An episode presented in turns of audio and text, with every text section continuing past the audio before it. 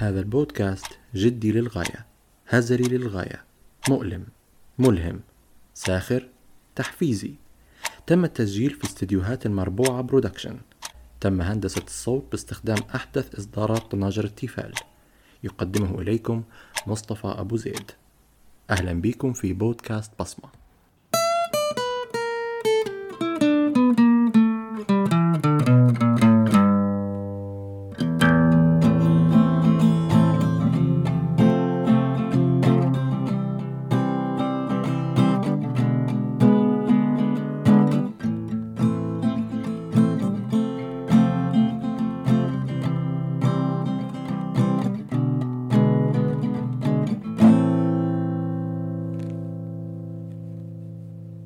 مش عيب إن الإنسان يندم على حاجات جات الفرصة يديرها وما دارهاش وللأمانة الشديدة وأني صغير أهلي ألحوا علي نخش للكشافة بس أنا كنت طفل بيلعب ويتفرج ورسوم كشافة شنو تبي نخش؟ نلعب نتفرج على رسوم سبيستون. نبيش أنا جو قائد وأمر وهيك. المهم إن حاليا وبعد أكثر من 18 سنة من الموضوع أني نادم. نادم لأني عرفت قداش ممكن الحركة الكشفية تكون سبب في صقل شخصيتك زي ما كانت سبب في صنع شخصية ضيف اليوم. ضيفنا كان سبب في تغيير حياة هالبناس إنك تكون قائد لفريق فهذا شيء متعارف عليه في كل مكان. لكن إنك تكون قائد يصنع مجموعة من القادة فهذا شيء لازم نعرفه كيف صار. إسلام مخزوم في ضيافتنا اليوم أهلين بيك في البودكاست. أهلين بيك مصطفى. شكرا لك على إتاحة هذه الفرصة وإن شاء الله آه، من خلال منصتكم آه، نوصلوا آه، رسالة كويسة وإيجابية تأثر في الناس وأهلا وسهلا بك أهلا وسهلا بك شرفت.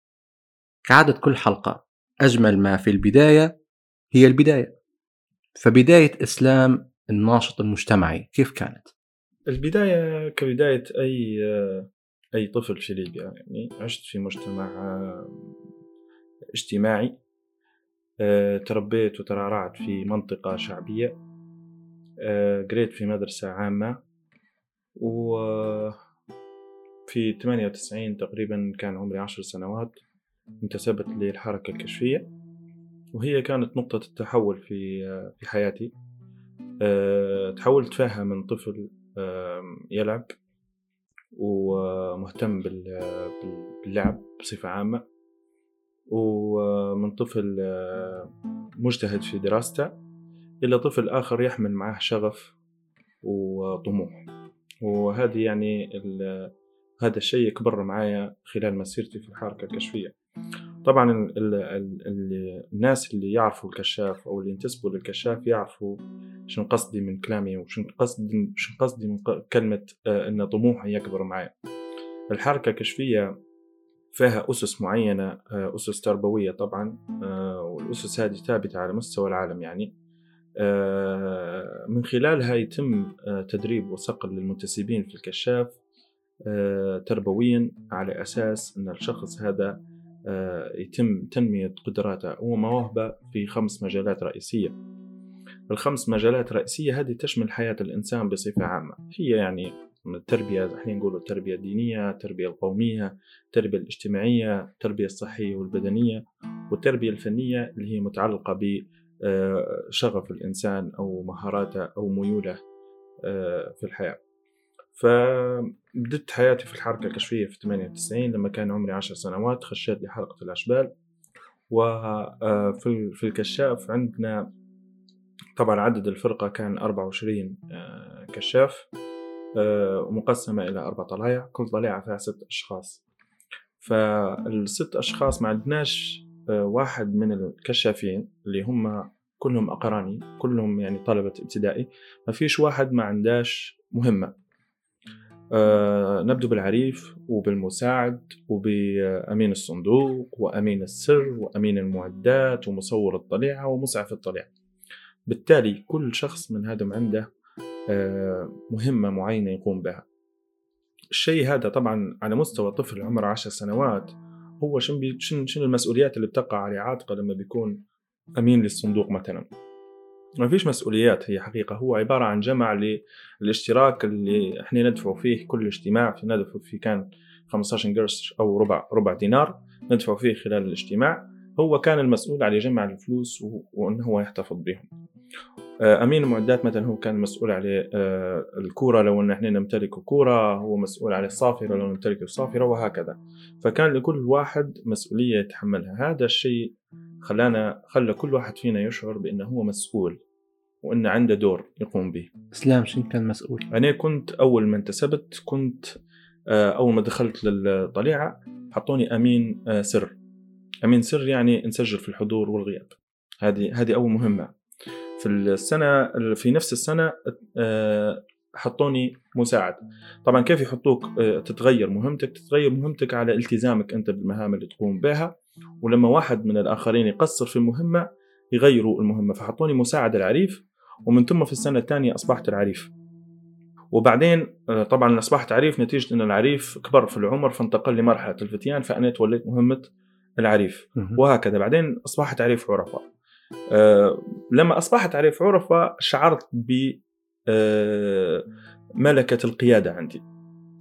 يعني كنت آه، وبشهادة القادة وبشهادة كل المشاركات اللي أنا شاركت فيها في الأنشطة يعني كلهم يعني أشادوا بأن الإسلام هذا حيكون قائد ناجح. من خلال أن كنت يعني كان عندي قدرة على إقناع زملائي آه، نقدر نوظفهم نقدر نستخدم آه، يعني مهماتهم بشكل صحيح نوزع المهام بشكل صحيح نقنعهم بالتعليمات إلى آخره. فهذا الشيء آه، خلى عندي يعني حب للقيادة واستمر الموضوع معي لما ترفعت للفتيان وهكذا في المتقدم نفس الشيء كنت لما نترفع على طول نخش عريف طليعه حتى لو كان في أشخاص أكبر مني وأقدم مني في الحلقة كنت نخش عريف عليهم. هذا دليل على أن مستواك كان أفضل. وكانوا يعرفوني. فاستمر الموضوع معي في الفتيان وفي المتقدم والى أن أصبحت قائد. وبعد ما أصبحت قائد يعني كان يعني هذا في كنت كنت يعني في سنة رابعة ثانوي. آه، لما كنت سنة رابعة ثانوي آه، كانت القيادة مبكرة بالنسبة لي. يعني كانوا القادة المفروض ان هم طلبة جامعيين فما فوق. أنا في في سنة رابعة ثانوي آه، دخلت لدورة إعداد القادة. يعني رشحوني إني أخش مع مجموعة طبعا من من الزملاء اللي معي خشينا لمرحلة القيادة وتوليت قيادة فرقة مباشرة. وهذا كان شيء يعني ما كانش آه، شائع في الحركة الكشفية. فبمجرد خذيت إعداد قادة لأن كان يفترض أن القائد يتحصل على أكثر من دورة والدورات هذه تستغرق سنوات باش أنت تكون قائد فرقة. ولكن أنا في أول عام توليت قيادة الفرقة. يعني مجرد خذيت دورة إعداد قادة كان المفروض إنه مازال نأخذ دراسة تمهيدية وقسم عملي وقسم شارة خشبية نظري بعدين قسم شارة خشبية عملي باش نصبح قائد فرقة. آه، من الإعداد رشحوني لقيادة فرقة وتوليت مهمة قيادة الفرقة. وبعدين آه، كنت سريع جدا في آه، حضور الدورات القيادية تأهيل القيادي الأخرى إلى أن خلال ثلاث سنوات أصبحت حامل للشارة الخشبية. وهذه كانت آه، آنذاك يعني كانت حتى هي ما هي شائعه أن شخص عمره 21 سنة آه، يكون آه، يحمل شارة خشبيه فهذا شيء خلاني نحب القيادة وخلاني نتمسك بموضوع القيادة. بعد تولي يعني مهمة قيادة الفرقة ومرور السنوات انتقلت كنت يعني كنت متخصص في قيادة الأشبال اللي هم الأطفال اللي هم من عمرهم من ست سنوات إلى 12 سنة. وهذا شيء يعني جميل جدا إنك أنت تبدأ آه، مع أطفال ناشئين في في مقتبل عمرهم تبدأ تعلم فيهم وترسخ فيهم في مفاهيم تربوية كويسة تخليك أنت تستوعب آه، يعني أشياء كثيرة تربوية مهمة للإنسان يعني من بداية آه، بداية عمره إلى أن يكبر.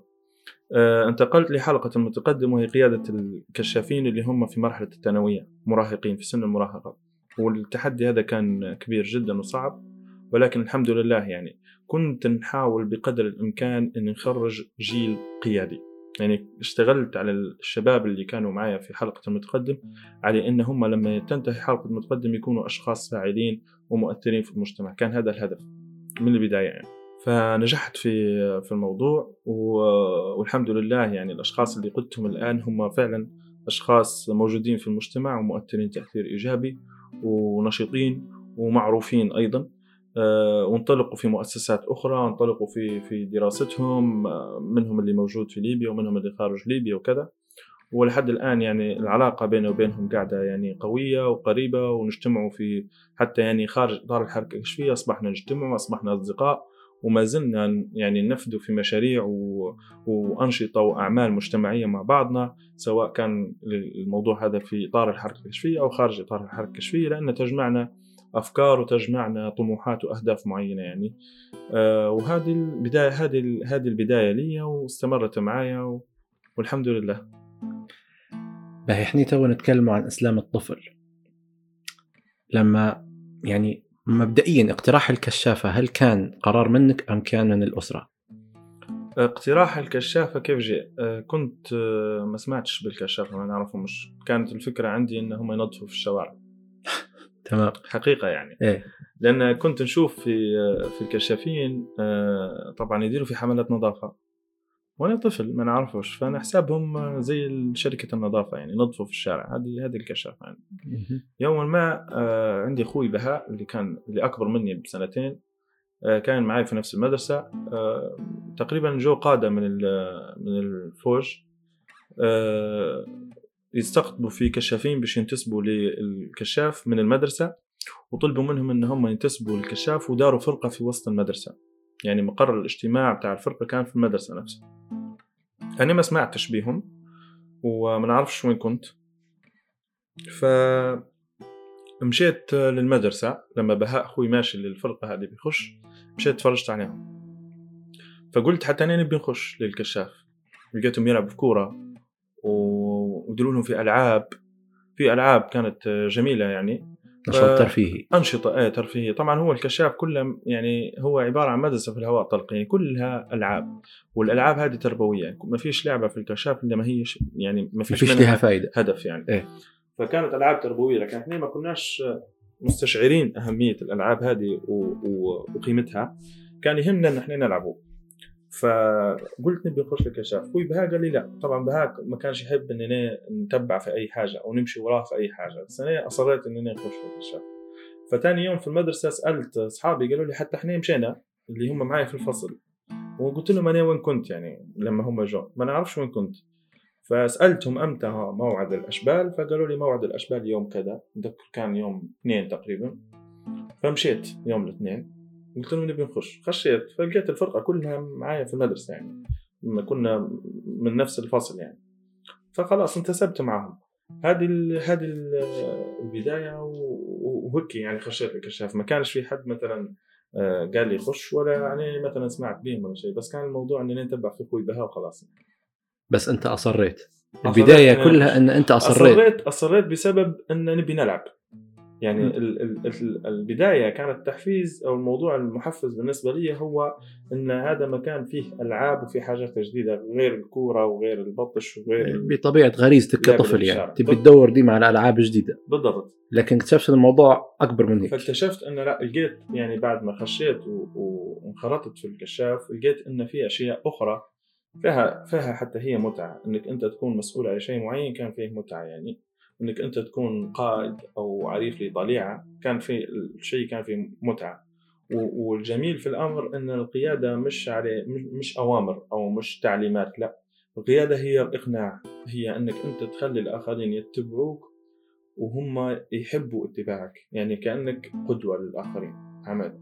الموضوع ده ما كانش ما كنتش نحس فيه بس هو كان فعلا هو الشيء اللي يخلي فينا آه يعني نحب الكشاف إن الآخرين يحبوني وبالتالي يسمعوا في كلامي أو يسمعوا في توجيهاتي.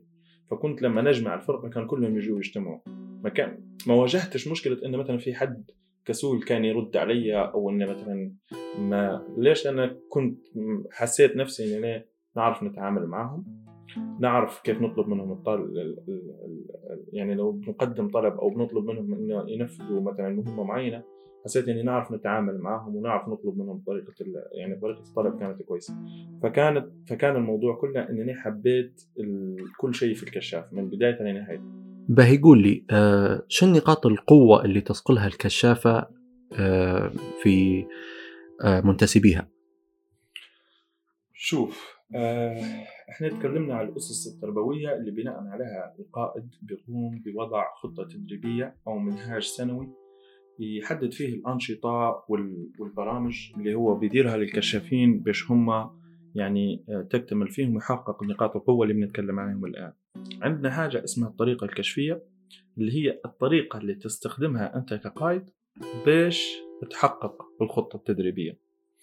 آه، الطريقة هذه فيها مثلا حياة الخلاء فيها التعلم بالممارسة فيها فيها مجموعة من النقاط اللي هي الأساليب اللي مستخدمة باش باش تنفذ الأنشطة وتنفذ الخطة التدريبية.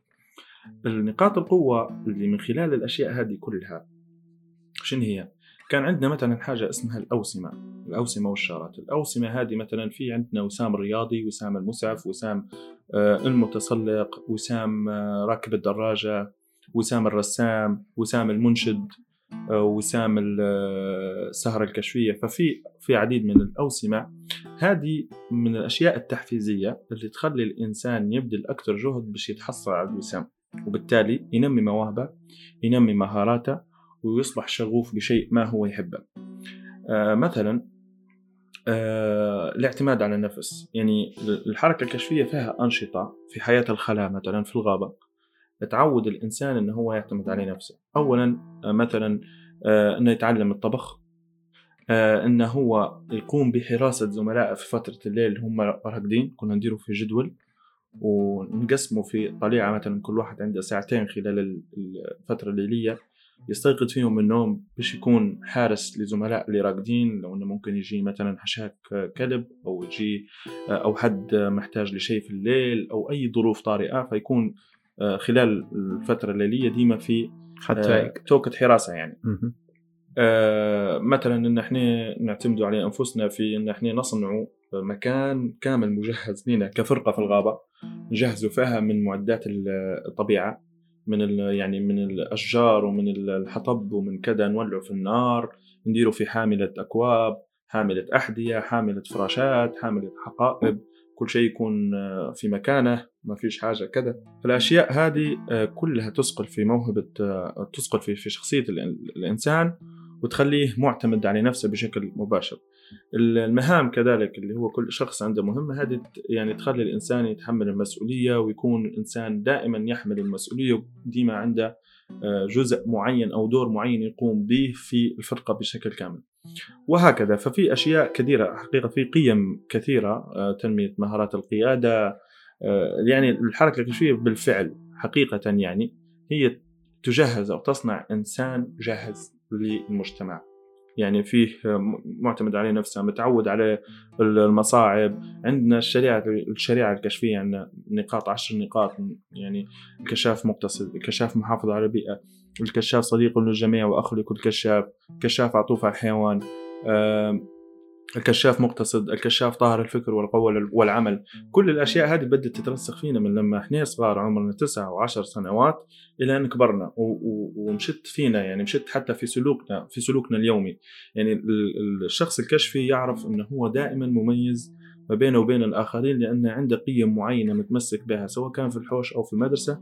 وكل الكشافين يحظوا بمعاملة جيدة من المسؤولين عليهم من أولياء أمورهم سواء كان في المدرسة أو في الحوش. هي يعني حاجة أو هي مكان مكمل تربوي لل للأشياء الرئيسية للتربية. الحوش يعني أو الأسرة هي المصدر الرئيسي للتربية.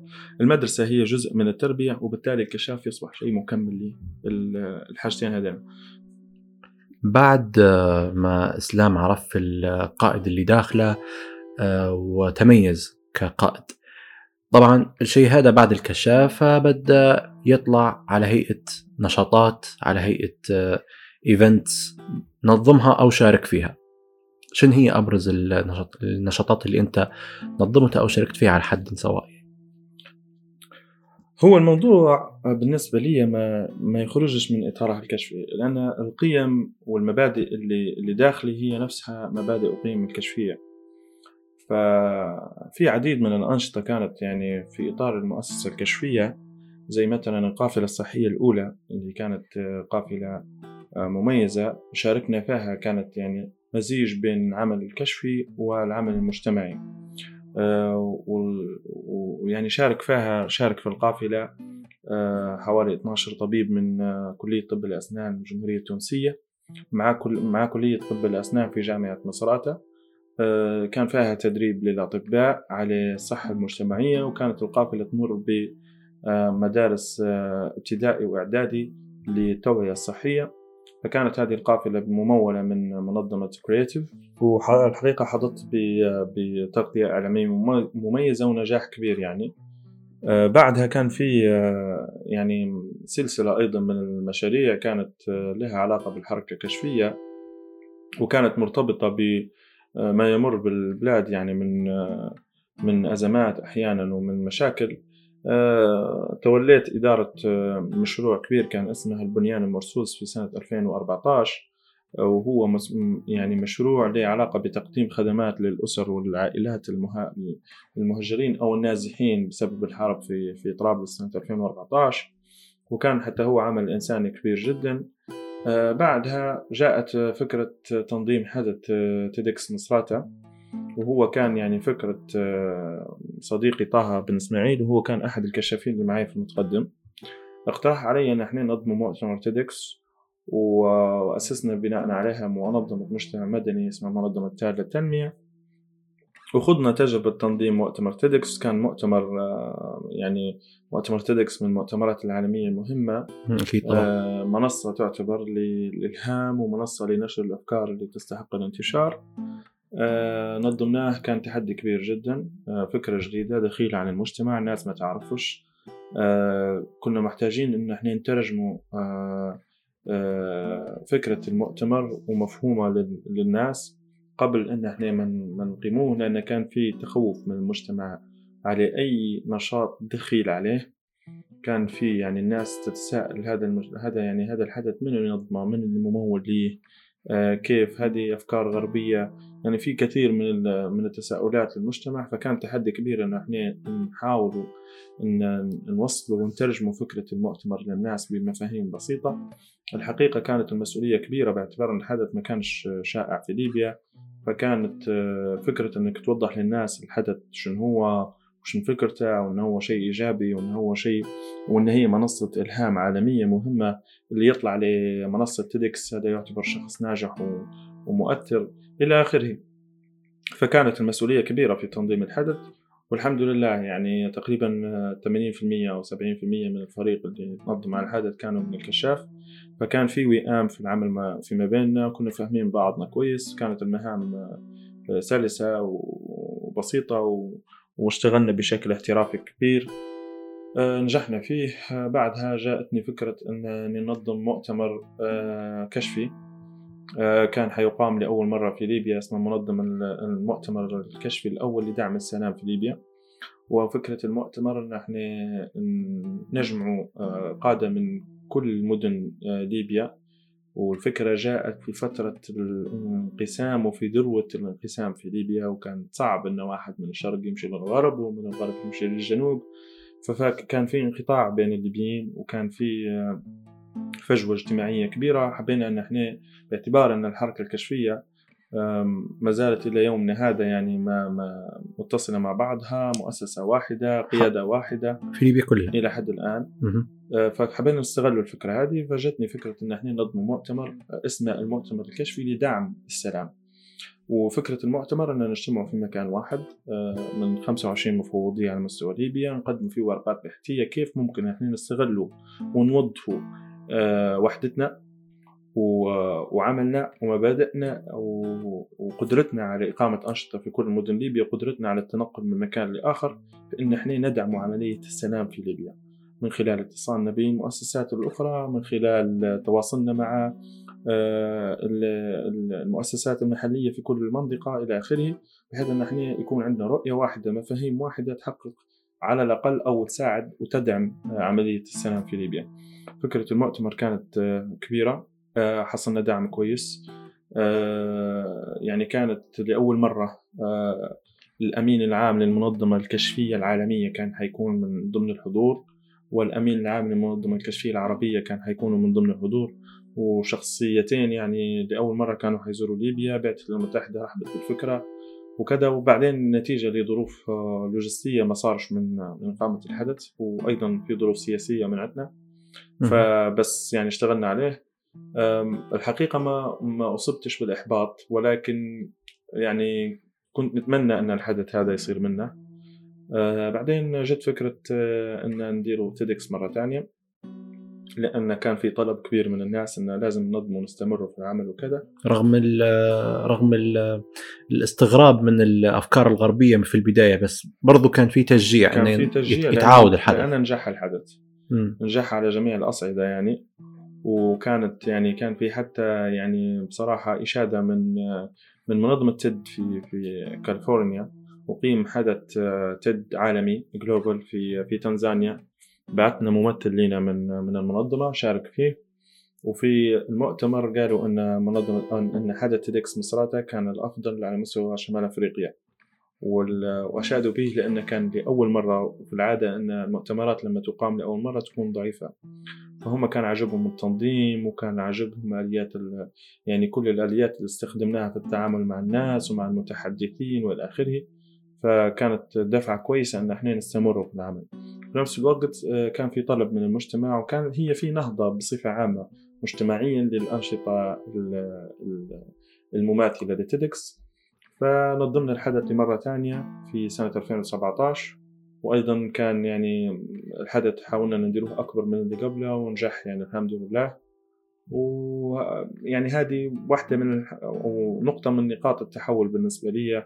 لاني آه، عرفت مجتمعيا في الحدث هذا وناس يعني يعني بنيت علاقات كبيرة مع مع المجتمع بصفة عامة. كانت آه، علاقاتي مؤطرة في في مصراتة بس. بعدين فتحت للمجتمع بديت عندي علاقات في مختلف المدن الليبية في بنغازي في طرابلس. عرف إسلام مخزوم بأنه هو آه، يعني منظم TEDx في في مصراتة وفي في اللي يقول لك إن هذا منظم TEDx في ليبيا لأن ما كانش في آه، يعني ما كانش في فعاليات أخرى ل TEDx في ليبيا. فهذه كانت حتى هي نقطة من نقاط التحول بالنسبة لي.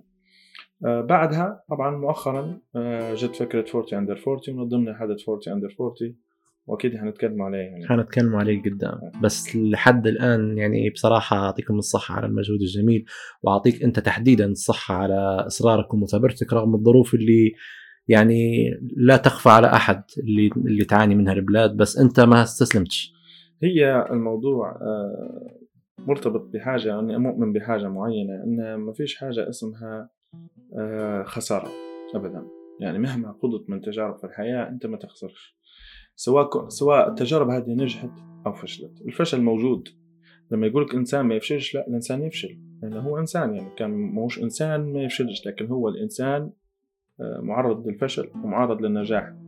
الفشل يجب أن تؤخذ قيمته مش ب... يعني على إنه هو خسارة. لازم تؤخذ قيمته على إنه هو فيه في داخله فيه في مكاسب. يعني آه، ممكن الحدث مثلا بتاع مؤتمر السلام ما نجحش. ما ما كانش ما, أقيمش الحدث أصلا ولكن في مكاسب أخرى في استفادة من الخبرات في التعاون اللي صار في التعامل مع جهات معينة في بناء العلاقات في أي شيء معين. لازم الإنسان ياخذ جانب من جوانب الفشل فيه فيه مكاسب بالنسبة ليه وياخذ المكاسب هذه يستفيد منها في تجارب أخرى. طبعا آه يعني بكل النشاطات اللي أنت شاركت فيها أو نظمتها آه بالإضافة إلى إنك تربيت في الحركة الكشفية ويعني نميت بداخلك قدرة القائد. كل هذا لما اشترك مع بعضه هيك دار خليط في داخلك يعني لقيت إن زادت ثقافتك بخصوص ريادة الأعمال وال business management. طبعا أنا مش عارف أنت متابع أو لا على ال social media مؤخرا لكن الزوز مصطلحات هادو منتشرات بشكل رهيب.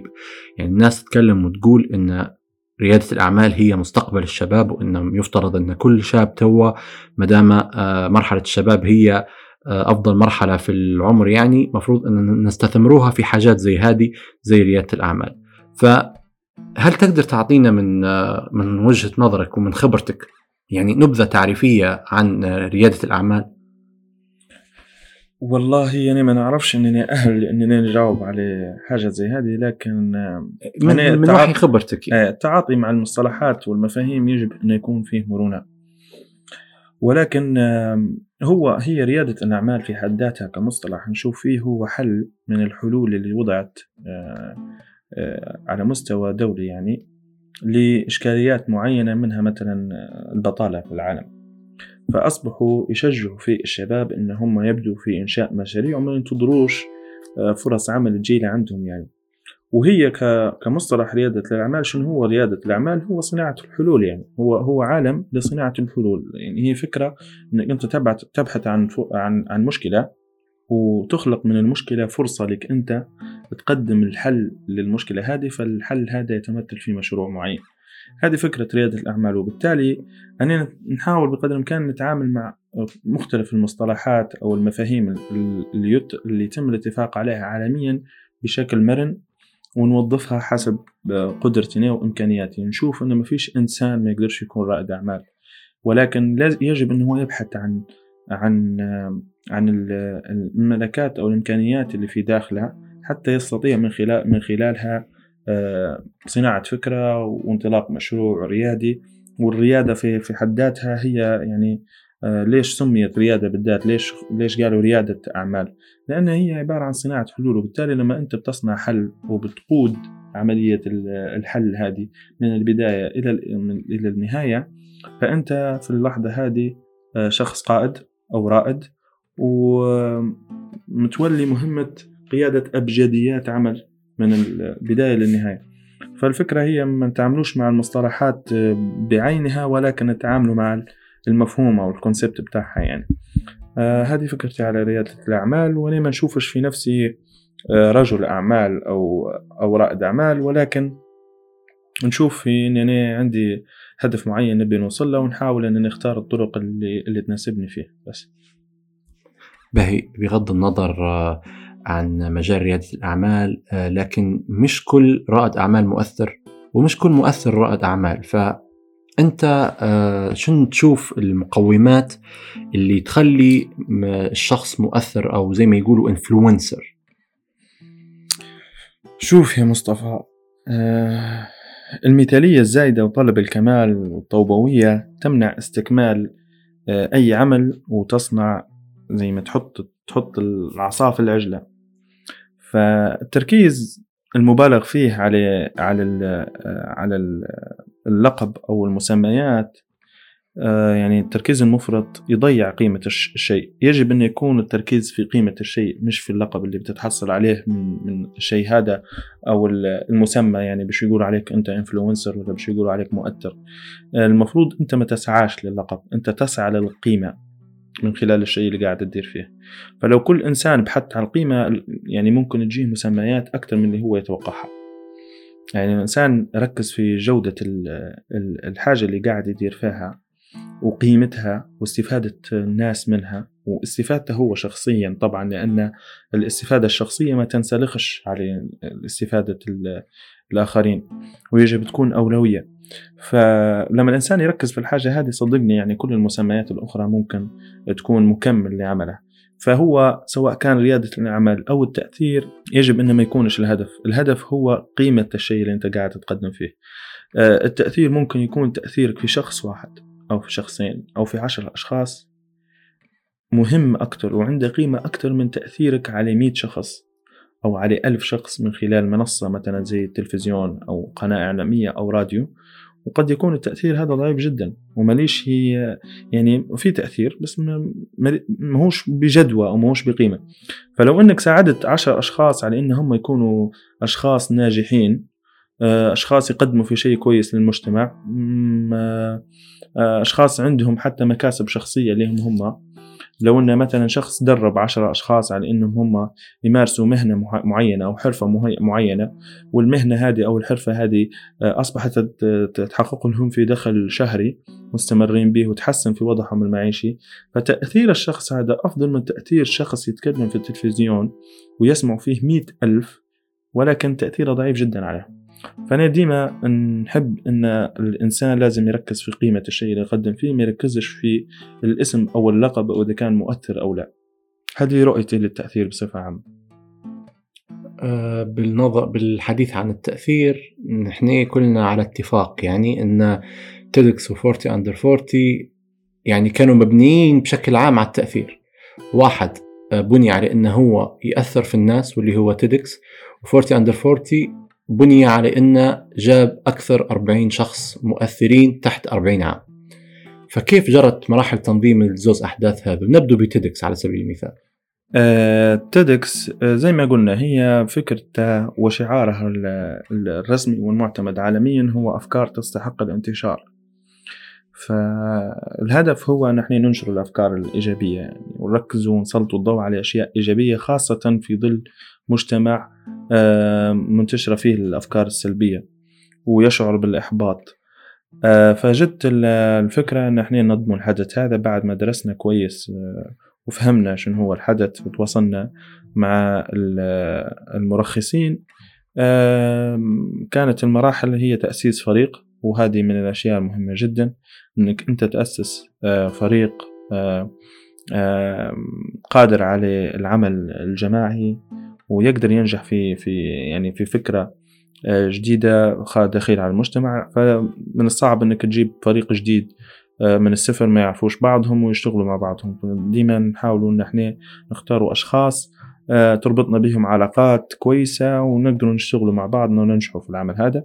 أسسنا فريق في في تيدكس وكيف ما قلت لك يعني تقريبا كان 70% أو 80% كانوا كنا نعرف بعضنا وكنا من الكشاف وحتى الناس اللي خشوا معانا مش من آه، من أصدقائنا أو مش من إطار من إطار ال الفرق الكشفية اللي إحنا اشتغلنا فيها هم كشافين يعني كانوا سواء كانوا سابقين أو في مدن أخرى أو غيرها.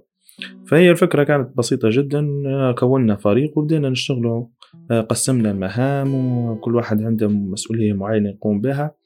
واشتغلنا بطريقة احترافية شوية. يعني كان العمل ممتد لحوالي خمسة شهور من التحضير والأنشطة اللي كانت حتى هي تعزز في فكرة نشر الفكرة الأساسية لتيدكس ومشينا للجامعات مشينا درنا مؤتمر صحفي في طرابلس. حاولنا نتعاطوا مع الموضوع على إنه هو يعني حدث وطني ماهوش حدث محلي في مصراتة بس وفتحنا باب الترشح للتحدث في تيدكس لعامة الناس.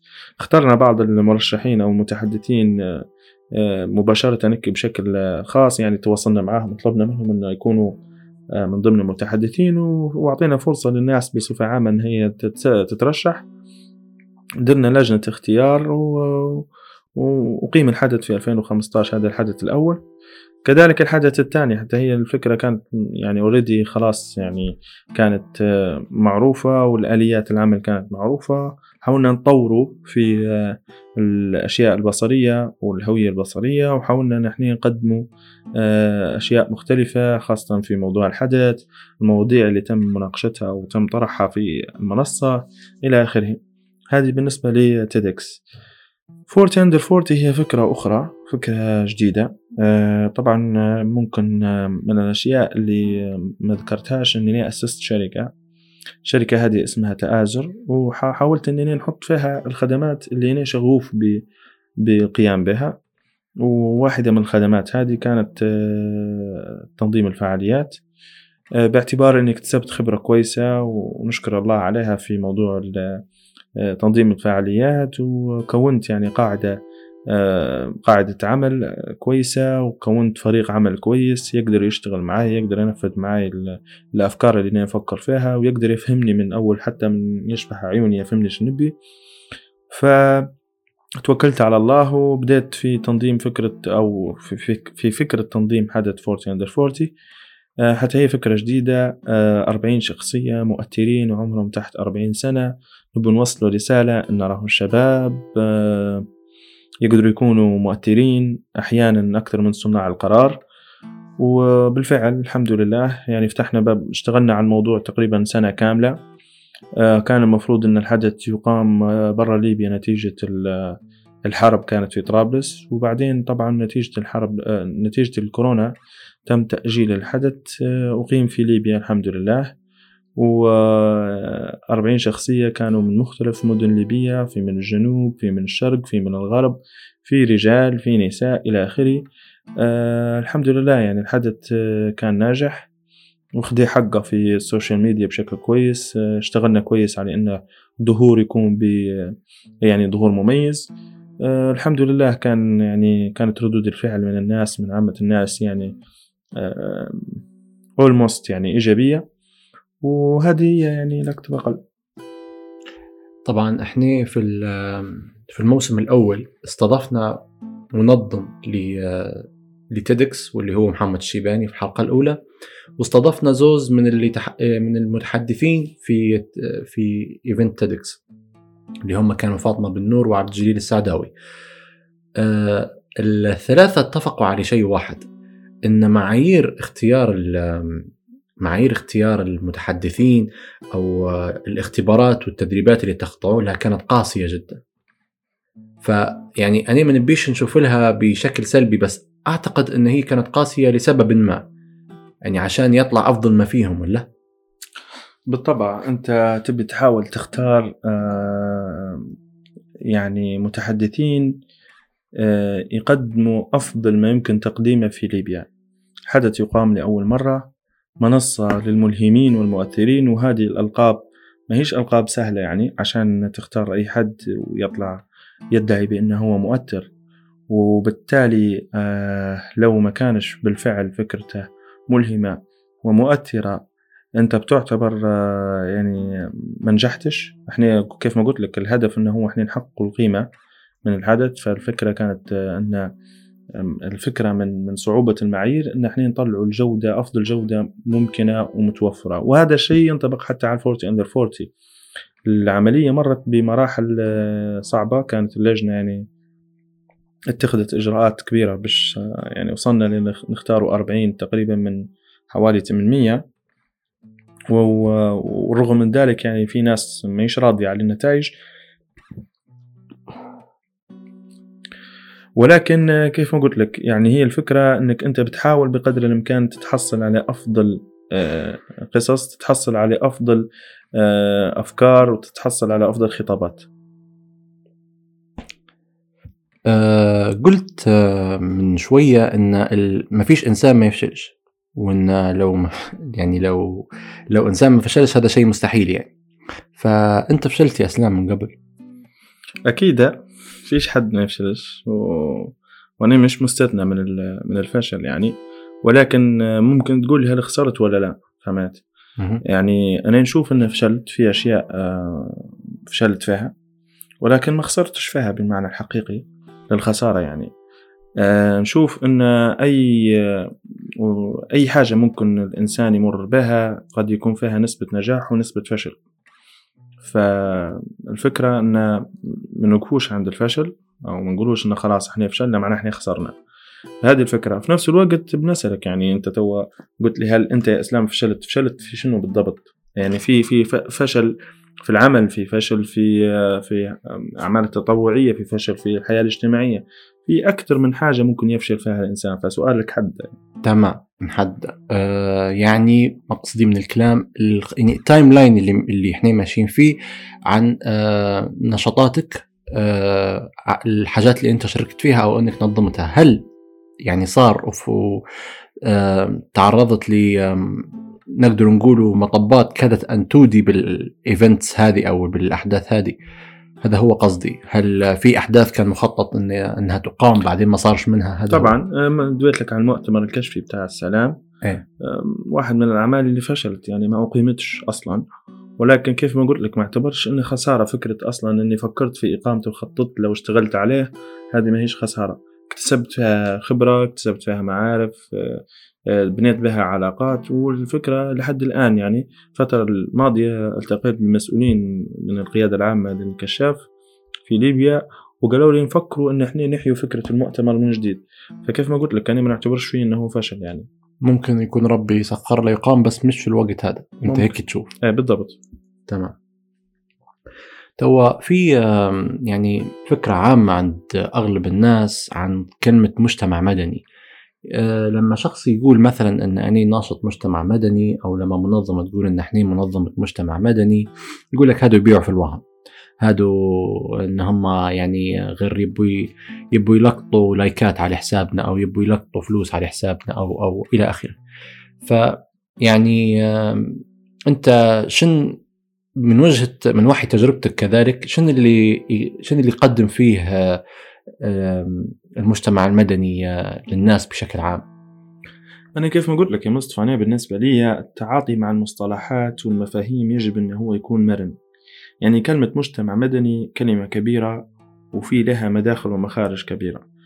آه، أنا في وجهة نظري شنو هو المجتمع المدني؟ يعني خلونا نعرفوا شنو هو المجتمع المدني.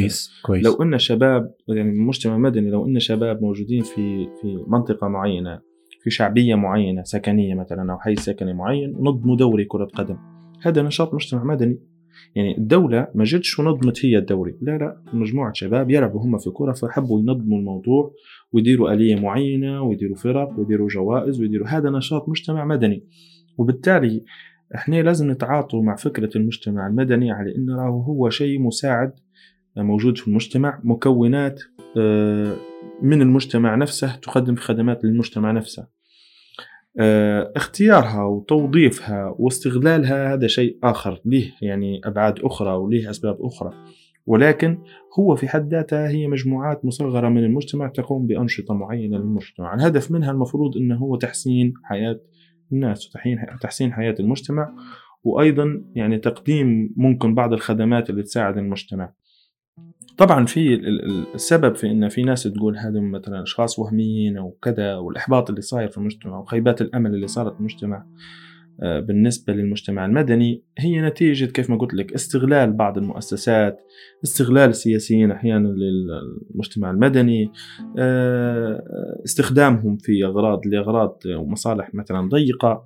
فهذه هي الأسباب في أن الناس راهو بدت تشوف المجتمع المدني حاجة زايدة أو حاجة ما لهاش لازمة. لكن هو راهو هي هم مجتمع من المجتمع فهمت؟ هم مجموعات من المجتمع اتفقوا على أهداف معينة اتفقوا على مشاريع معينة بيقدموها للمجتمع. أنت حبيتها ممكن آه، تتعامل معها ما حبيتهاش خليها في حالها فهمت؟ ما تقربش منها. وهذا هو هذه نظرتي للمجتمع المدني. يعني في في في رأيي أن كل إنسان يجب أن هو يكون له دور. في مقولة قالها صديق لي تونسي من قادة من كشافه تونسية قال قال من لم يزد إلى الحياة شيئا فهو عن الحياة زائد. يعني كل إنسان يجب أنه يقدم شيء للحياة هذه للدنيا للمجتمع. كان أنت ما قدمت الشيء أنت زايد مالكش مكان مش موجود أصلا. تتنفس وخلاص. بس. هذا البروفايل خيالي ولا يمت للواقع بصلة. حسيتك تقلد في ال intro متاعي. إيه. والله بالعكس أنا كاتبها لي فترة طويلة ال- الجملة هذه في ال profile بتاعي. إيه باهي. أنت تعتقد هيك يعني إن الخيال مفيد؟ ويعني أمتى يضر بصاحبه وأمتى يكون مفيد؟ الخيال هو الإنسان ما يؤمنش بالحدود لنفسه. يعني الإنسان راهو اللي اللي يفكر فيه الإنسان واللي يقوم به الإنسان في روتينه اليومي ما يمثلش 5% من قدراته. قدرات الإنسان لا حدود لها. يعني كل شيء إحنا عايشين فيه اليوم من تكنولوجي من من ثورات صناعية وغيرها هذا كله من صنع الإنسان. يعني الإنسان هو اللي صنع الطيارة اللي نطلعوا بها من من مصراتها نمشوا بها للولايات المتحدة. آلاف الكيلومترات. نمشوا بها لمحيط آه، لقارة أخرى. نمشوا بها لدولة أخرى. آه، مثلا الإنسان هو اللي اليوم خلانا نقعمزوا نتكلموا ونسجلوا بودكاست ويسمعوه ملايين الناس في أي مكان في العالم. الإنسان هو اللي خلق مكالمة فيديو آه، أونلاين. ممكن أنت تقعمز توا يعني نهدرزوا توا مع بعضنا نفتحوا فيديو ونكلموا حد موجود في كندا أو في أمريكا أو غيرها فالإنسان قدراته وإمكانياته لا حدود لها. وبالتالي الخيال هو اللي يصنع الإبداع. الإنسان كل ما كان خياله واسع كل ما كان يقدر يفكر في أشياء آه، غير اللي هو عايش فيها وغير الأشياء اللي موجودة في محيطه كل ما كان عنده قدرة أنه هو يحاول أنه يقدم شيء جديد. لو بتحط لنفسك حدود وبتحط نفسك في الشيشة ما عادش تقدر تطلع برا الشيشة. بس لو تفكر برا الشيشة حتقدر تطلع وتقدر تبدع وتقدر تفكر في أشياء جديدة أنت ما قمتش بها. لكن في نفس الوقت يجب أنك أنت تكون مؤمن بالأشياء اللي تستطيع القيام بها. ما, ما تخليش الخيال هذا يسرح بيك تقعد تفكر في أشياء أنت ما تقدرش تقوم بها وبالتالي تبدأ زي ما تقول تحرق في البحر لازم الإنسان يؤمن بقدراته وبعدين يفكر. تكتفي بخسارة قريبة أم تستنى المكسب البعيد؟ دائما ننظر للمكسب البعيد. حتى لو آه، جدت الخسارة القريبة فأنت ما توقفش. طبعا. لأن لو وقفت أنت حتستمر في الخسارة وتعيش بها للموت الإنسان لازم ينظر كيف ما قلت لك دائما ينظر للأمام. والإنسان لو ما حددش لنفسه أهداف هو عايش عشوائي بدون أي خارطة بدون زي ما صاير في ليبيا تحديدا الآن. آه لو ما عندناش أهداف مش حنقدروا نديروا خارطة طريق تطلع بينا من الأزمة أو النفق اللي إحنا عايشين فيه. فلازم يكون عندنا أهداف معينة ونبدو نفكروا في الأساليب اللي باش نوصلوا فيها للأهداف اللي نبغاها سؤال لإسلام القائد باعتبارك أنك أنت قدت عدة نشاطات وإيفنتس شبابية شن هي أكثر الأساليب أو نقدر نقول أفضل الأساليب تحفيز للشباب اللي. اللي أنت تقدر آه، تستخرج طاقاتهم وتصقل مواهبهم وتساعدهم أن هم يكتشفوا أرواحهم حتى يعني يستفيد الجميع. التقدير والاعتراف. يجب أنك أنت تعترف بفضل الآخرين وبأعمالهم وبقدراتهم وبوقتهم. أقل واحد في الفريق أه وأي شيء يقدمه بالنسبة ليك يجب أنه هو يكون قيمته كبيرة. وكيف ما يكون يعني مهما كان سواء كان مثلا عضو في فريق لوجستي أو قائد فريق الإبداع أو قائد فريق الدعم الفني أو أي كان مهمته في الفرقة أو فريق العمل يجب أنه هو يشعر بقيمته ويشعر بالتقدير منك أنت ليه عشان يستمر في العطاء. لو ما حسش لو ما حسش بالاعتراف والتقدير آه صدقني مش حيقدم اللي قدم فيه. وأنت بالنسبة لي كقائد فريق كل أعضاء الفريق مهمين بنسب متساوية لك كلهم بدون استثناء. فيجب أن كل واحد يشعر بأهميته ويشعر بالتقدير والاعتراف منك أنت كقائد فريق. ويجب أن يكون في علاقة خاصة بينك وبين كل فرد في الفريق معك. أيا كان دوره سواء كان سائق سيارة سواء كان مذيع سواء كان مصمم ال graphic designer سواء كان أي حد يجب أن يكون في بينك وبينه علاقة خاصة. يجب أن يكون في وئام بينك وبينه. عشان كلهم يحبوك ويشتغلوا معك وفي بعض الأحيان في اللي يقول لك أنا مثلا تصير معه مثلا مشكلة أو حساسية بينه وبين فرد آخر في الفريق لكن يقول أنا نشتغل علشان قائد الفريق.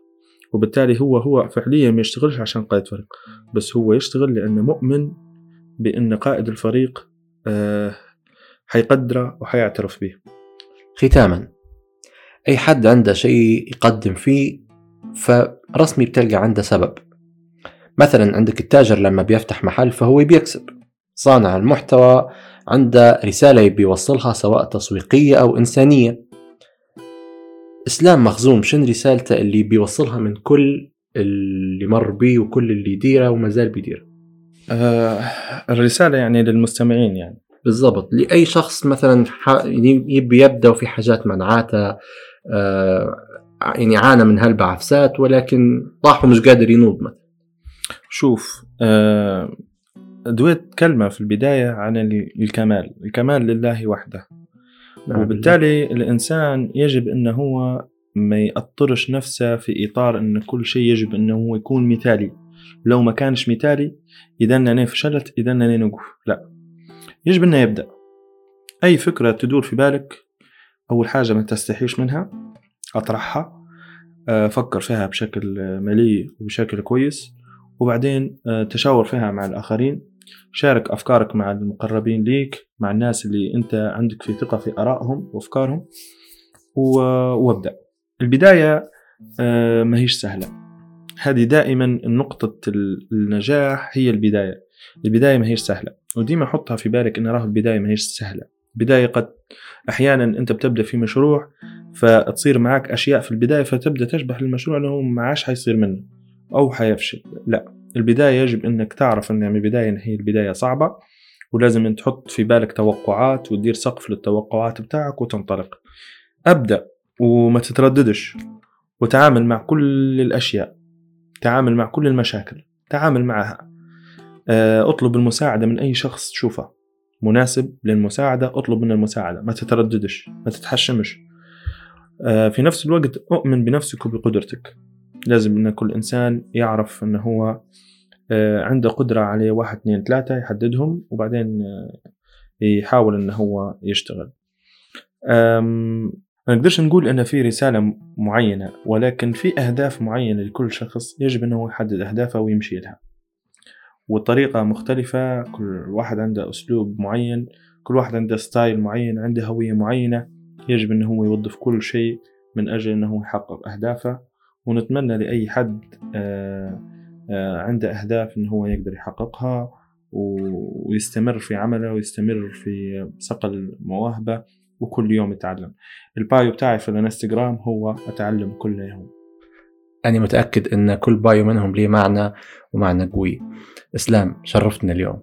أنا اللي تشرفت بكم وتشرفت بمنصة بصمة وفعلا شرف لي يعني إني اكون واحد من الناس اللي موجودين في المنصة. نتمنى ليك كل التوفيق. نتمنى أعزائي المستمعين أنكم آه، تشاركونا اقتراحاتكم ورأيكم في الحلقة عبر صفحة الفيسبوك. نشوفكم في حلقة جاية. أنا مصطفى أبو زيد. نشوفكم بخير. thank you